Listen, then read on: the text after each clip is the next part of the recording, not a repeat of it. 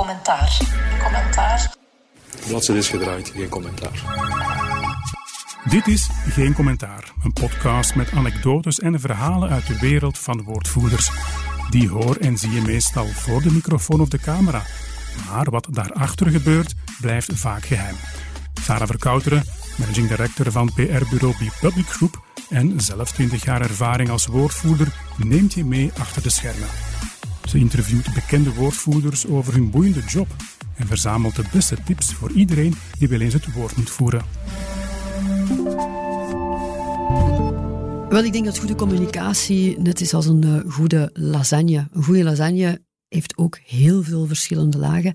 En dat is bij een uh, communicatie net hetzelfde. Een boodschap moet iets hebben dat door iedereen gesmaakt kan worden.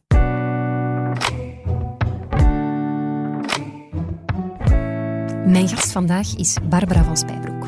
Barbara is de dochter van een journaliste en een woordvoerder. En dat zie je ook aan haar carrière.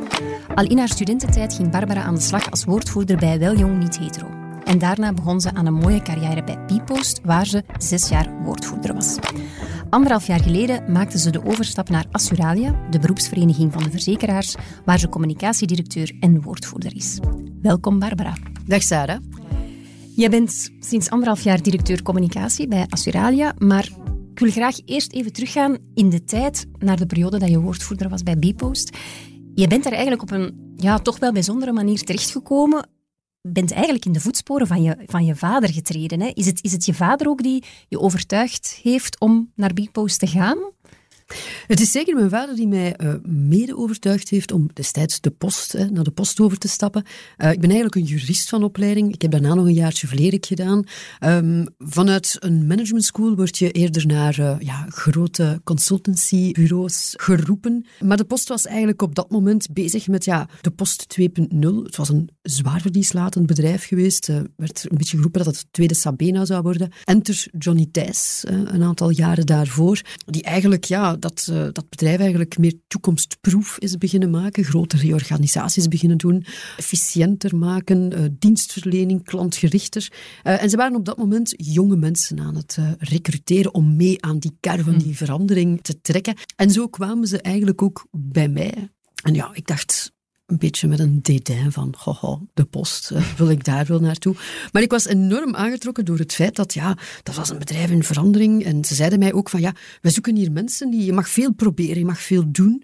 En we moeten eigenlijk, ja, we moeten mee aan de kaart trekken, er moet verandering komen, mm. nieuwigheden, nieuwe producten, nieuwe diensten. En dat trok mij enorm aan. En mm ik ben daar dus uh, toen gestart en, uh, en ook gebleven eigenlijk. Ja. ja, ja, en dus eigenlijk de functie van je vader overgenomen als hij ja, ik vertrokken is? Of hoe Eerst een aantal verschillende uh, marketingfuncties, productmarketingfuncties uh, gedaan. Uh, zeer leuk. Um, en dan eigenlijk in 2015, ja, reeds lang aangekondigd, vertrok mijn vader uh, op pensioen als directeur uh, communicatie en corporate affairs op dat moment van uh, Bpost. Maar ook zijn rechterhand, zijn woordvoerder Fred Lens, ook 30, 40 jaar woordvoerder geweest van, van de post, die vertrok samen met hem. En dus zijn we van, oké, okay, we gaan dus eigenlijk twee nieuwe mensen zoeken. En we zoeken eigenlijk iemand die opnieuw verantwoordelijk wil zijn voor de externe communicatie. Ja, ik voelde wel enorm veel goesting op dat moment om mm -hmm. dat te doen. Maar het is uiteraard niet mijn vader die mij gerecruiteerd heeft. Dat, ja. dat kon ze niet doen. En ook vanuit je eigen kracht natuurlijk, Barbara, kan ik uiteraard. mij voorstellen.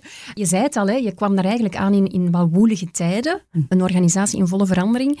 Ja, is dat dan ook je vader die je om advies vraagt? Ik, ik heb dat wel gedaan, sowieso. Het is wel zo dat uh, mijn vader heeft een beetje een, een, een, een heilige schrik dat mensen me, zouden gaan vergelijken. Of, uh, het, het, het, viel natuurlijk op. Hè. Je pakt de telefoon op met Goedemiddag van Spijbroek. Mm. En mensen zo is het Piet? En ik zo, nee, het is Barbara.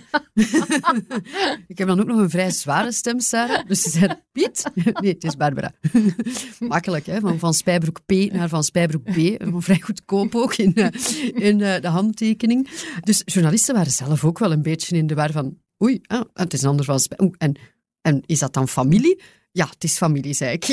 maar ik niet dan zo. Ik had dan ook nog een zus kunnen zijn of zo. Uh, maar nee, mijn vader had daar ook een beetje een heilige schrik van de mensen zouden vergelijken. En dat dat ja, ook mij natuurlijk nadelig zou mm -hmm. uitkomen. Dus hij vond het heel belangrijk dat ik mijn eigen stem daarin kreeg. En ik ook, uiteraard. Maar ik heb, ja, ik heb hem zeker wel om advies gevraagd. Zeker om een beetje in lijn te blijven met voorgaande antwoorden um, in, in moeilijke dossiers. Ja, kan ik, kan ik mij inderdaad voorstellen.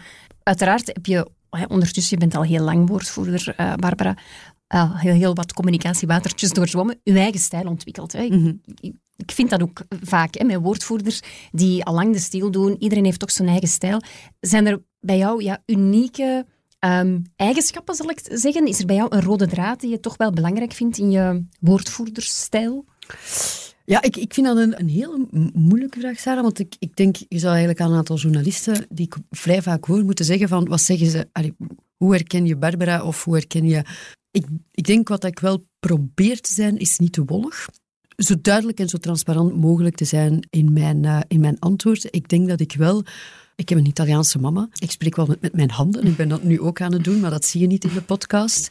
Dus ik denk dat ik uh, wel een, met een zekere emotie uh, en een zekere passie tracht mijn, mijn standpunt te verdedigen.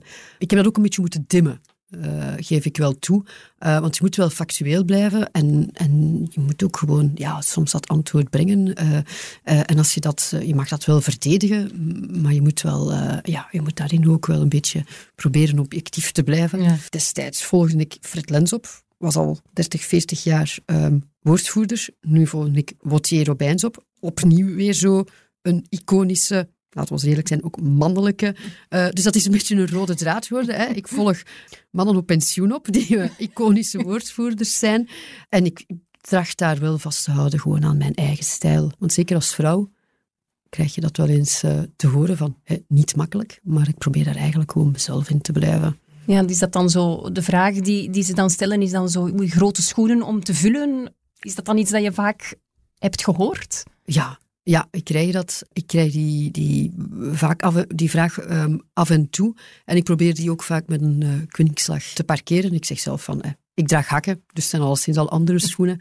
Ik kan ook niet vergelijken. Hè. Twee mannen die dat met verven hebben gedaan gedurende 40 jaar, die echt experten waren. Ik ben geen verzekeringsexpert. Ik ik denk niet dat ik ook een verzekeringsexpert zal worden. Uh, ik dacht eigenlijk vooral een goede communicatie-expert te zijn. Ja. Uh, en daarin mijn eigen, mijn eigen kleur te geven. Maar altijd met veel respect voor hetgeen dat gedaan is. Dat vind ik wel. Mhm. Transformatie is ook maar een trein die, die gaat als alle wagonnetjes eraan hangen. En daar proberen uh, met heel veel lawaai iets totaal nieuws te doen, werkt ook niet. Dat is niet duurzaam. -hmm.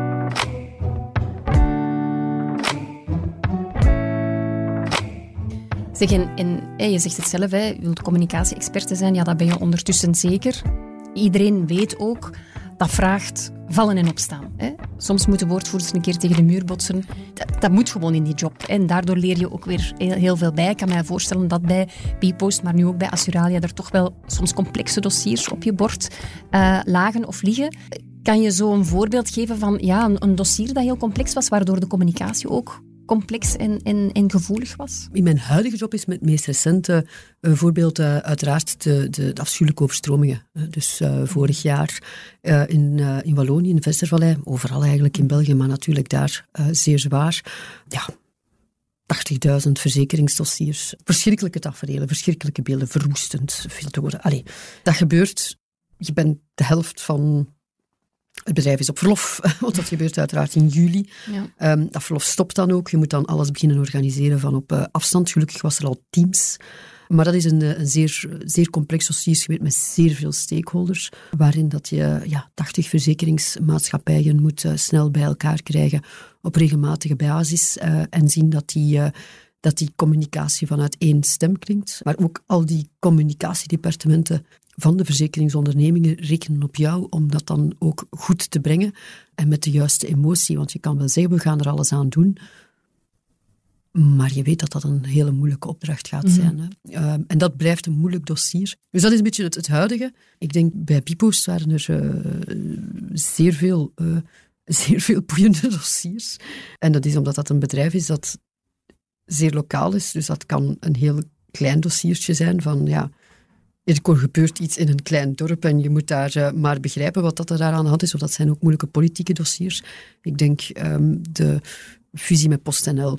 Mm -hmm. Enorm complex. Dat zijn altijd met mergers en acquisition, acquisitions. Uh, je moet dan ook beginnen samenwerken met mensen over de grens die een andere cultuur hebben als het over communicatie gaat. Maar ik heb ook allee, één dossier gehad waar ik compleet in de mist ben gegaan.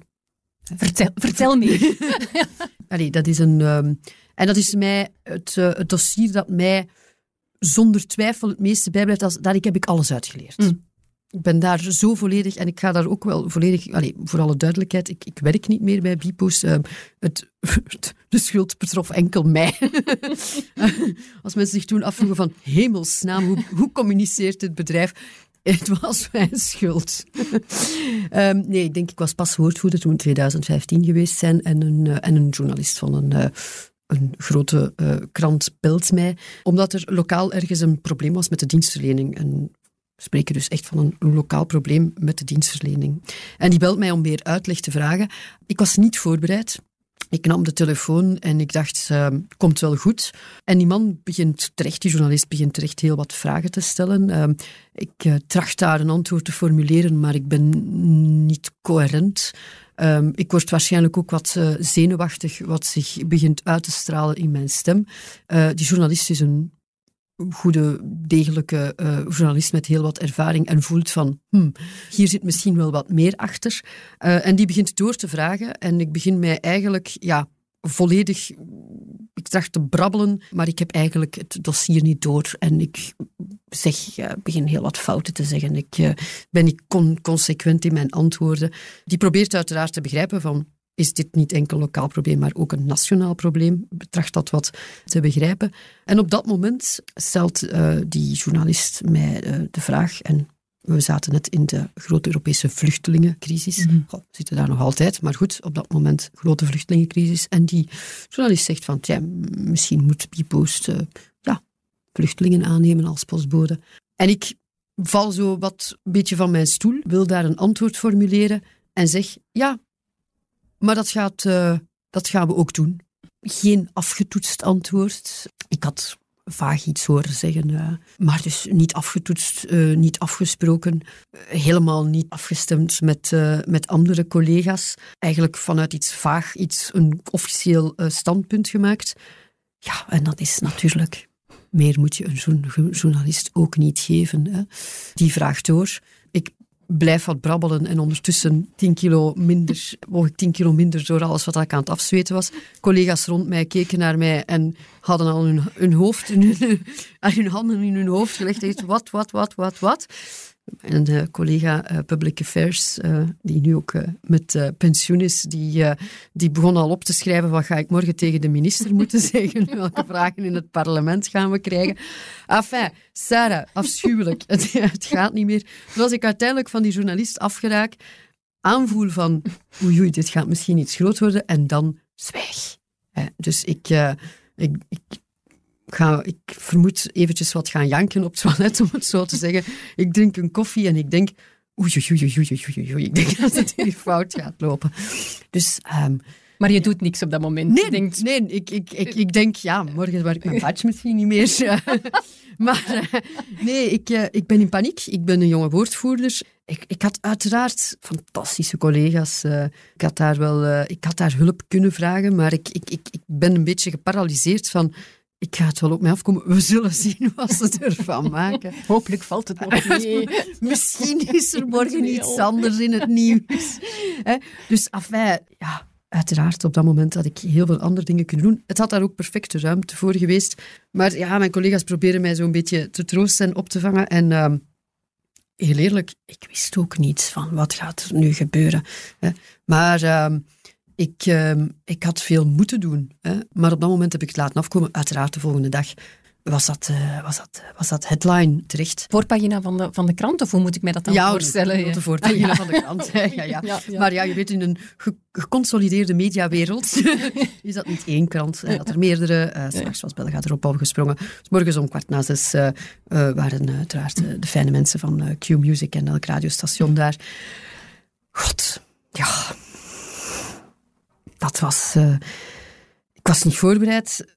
Mensen intern waren niet voorbereid. Interne communicatie was niet voorbereid. Ehm, eventueel een korte statement was niet voorbereid.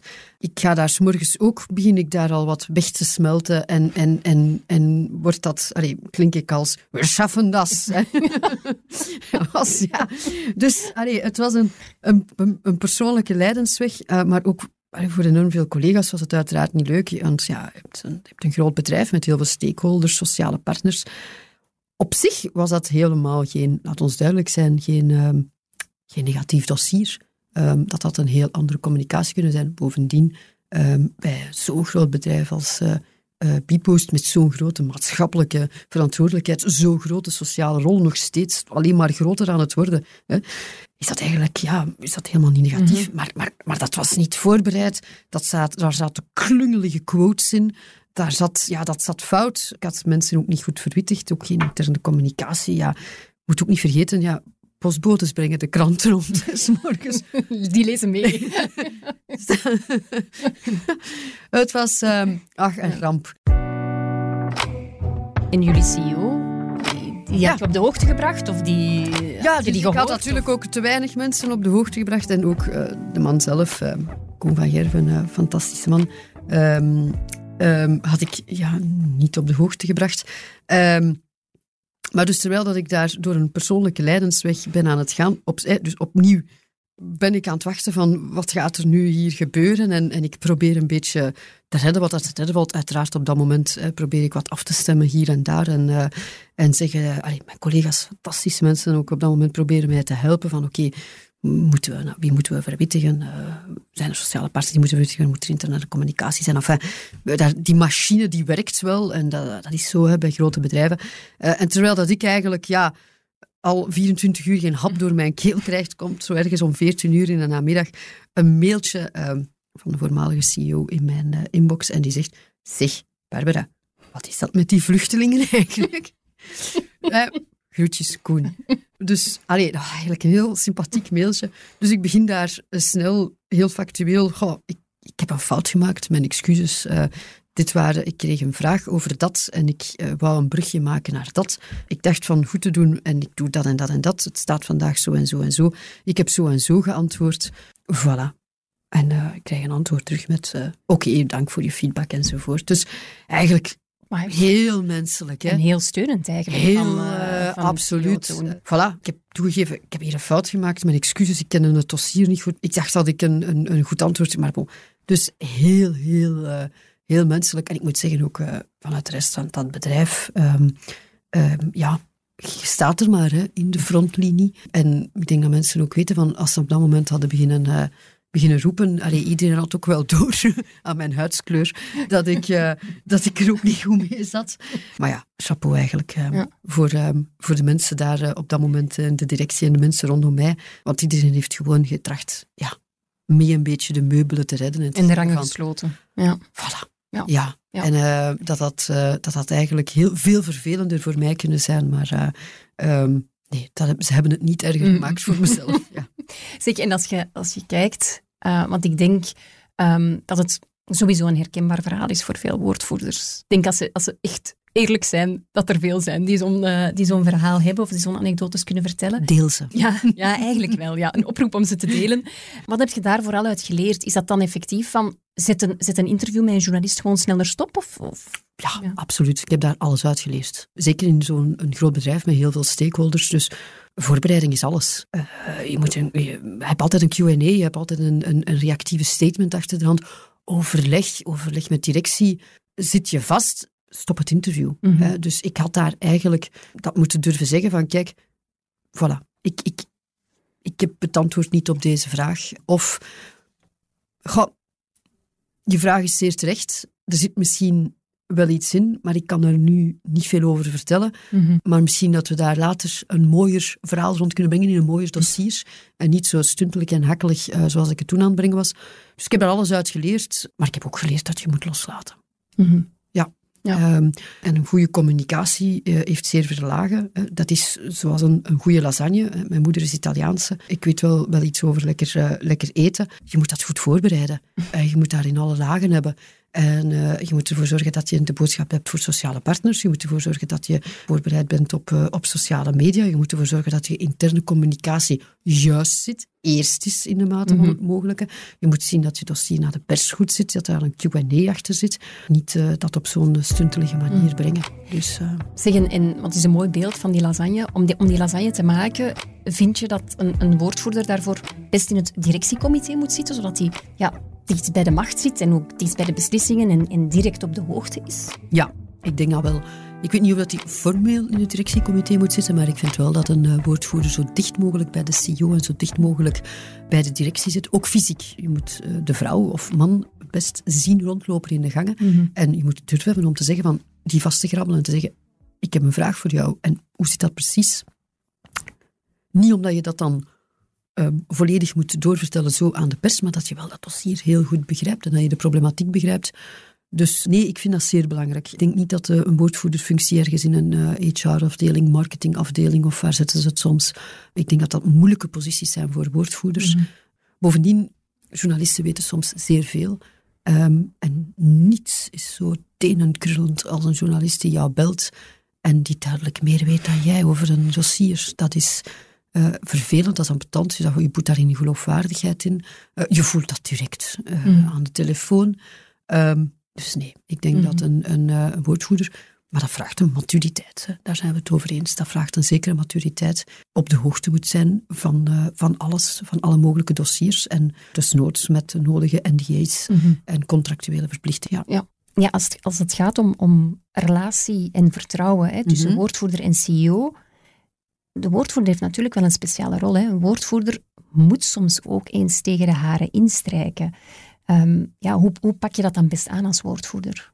Ja, dat vraagt inderdaad wel een zekere maturiteit. Hè. Maar dus, um, ik denk, organisaties of, of, of, of eh, gaan in, moeilijke, complexe dossiers vaak zo um, de neiging hebben om te zeggen van we gaan ons een beetje low profile houden. Laten we gaan, uh, we gaan nu even helemaal zakken en we gaan wat terugplooien op onszelf. En in sommige dossiers um, kan dat een, een, juiste strategie zijn. Um, maar ik denk dat eigenlijk in, op de dag van vandaag dat dat, um, dat, dat bijzonder moeilijk is. Het, gaat, uh, het gaat razendsnel, de informatie gaat razendsnel. ook met politieke stakeholders. Uh, dus je moet op een bepaald moment af en toe durven ook je nek uit te steken en te zeggen van kijk, communicatief, hè, je kunt dat zo zeggen, qua communicatie denk ik dat we hier dit naar buiten brengen. Of qua communicatie denk ik dat we het zo moeten doen. Um, of desnoods zelfs uh, adviseren van, kijk, laat ons als eerste communiceren. We zetten dan zelf mm. het kader.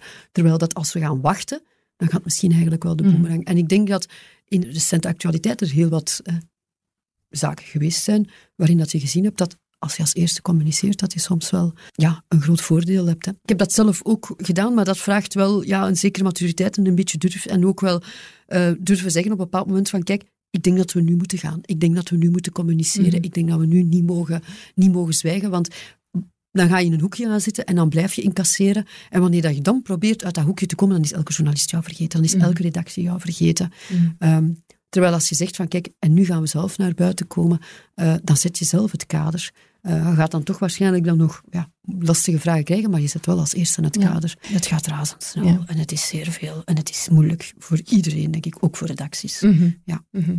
Barbara, je gaat al heel wat tips doorheen dit, uh, doorheen dit gesprek, maar om af te ronden zou ik jou toch willen vragen om jouw drie ultieme woordvoerderstips te delen met onze luisteraars. Ja, zeer graag. Uh, er zullen wel zeer veel zijn, uiteraard. Ik ga, ik ga beginnen met één die echt heel banaal klinkt. Um, uh, maar die voor mij niet onbelangrijk is. Het is ook, denk ik, een van de weinige tips dat mijn vader uh, mij ooit gezegd heeft. Um, het was ook in het bijzijn van, het nooit vergeten, van Isabel Albers, die dat uh, toen volmondig beaamde. Um, lieg nooit. Ik weet, het is zeer moeilijk. Hè. En, en, en, en, maar soms, journalisten hebben soms... Um, gaan er soms onterecht van uit dat woordvoerders een soort van opportunistische leugenaars zijn er zullen gelijk in elk vakgebied uh, rotte appels zijn. Um, maar zoals ik aan mijn uh, dochters ook altijd zeg, het komt altijd uit. Het komt altijd uit. En dan verlies je eigenlijk elke geloofwaardigheid. Mm -hmm. Mijn excuses. Maar allee, aan een journalist die te weten komt dat je ooit een keer een grove leugen hebt verteld, wat ga je daarna daartegen mm -hmm. gaan vertellen? Dus, mm -hmm. En dat is soms moeilijk, hè, maar je kunt, er zijn bruggetjes. Je kan bruggetjes maken. Hè, je kan dat leren, je kan dat trainen, uh, je kunt dat perfect doen.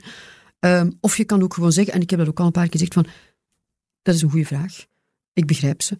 Ik begrijp dat je ze stelt. Ik zou ze ook stellen, maar ik kan er nu niet op antwoorden. Mm -hmm. um, of je gaat een beetje off the record, um, maar lieg niet. Mm -hmm. Lieg niet. je verliest er alles mee. Okay. Qua geloofwaardigheid.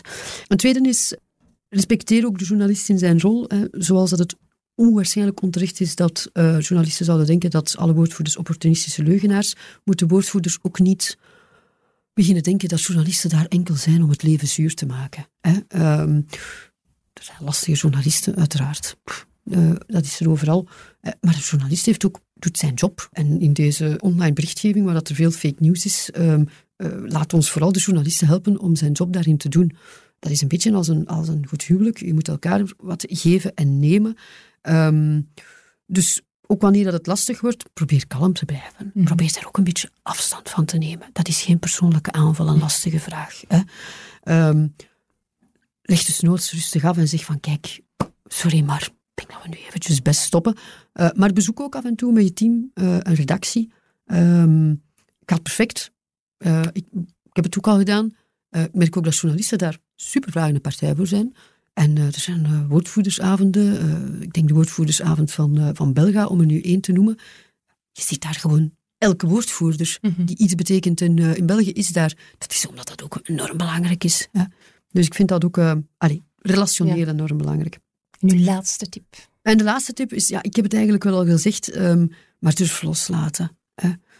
Um, een antwoord, dat gaat niet altijd 100% juist zijn. Uw woorden kunnen wat verdraaid zijn, kunnen er wat anders uitkomen. Uh, in een uh, bedrijf is iedereen communicatiespecialist. Hè? Iedereen zal zeggen, god, ik zou misschien toch het anders gezegd. Ja, goed, ja. Uh, jij staat daar maar in die frontlinie.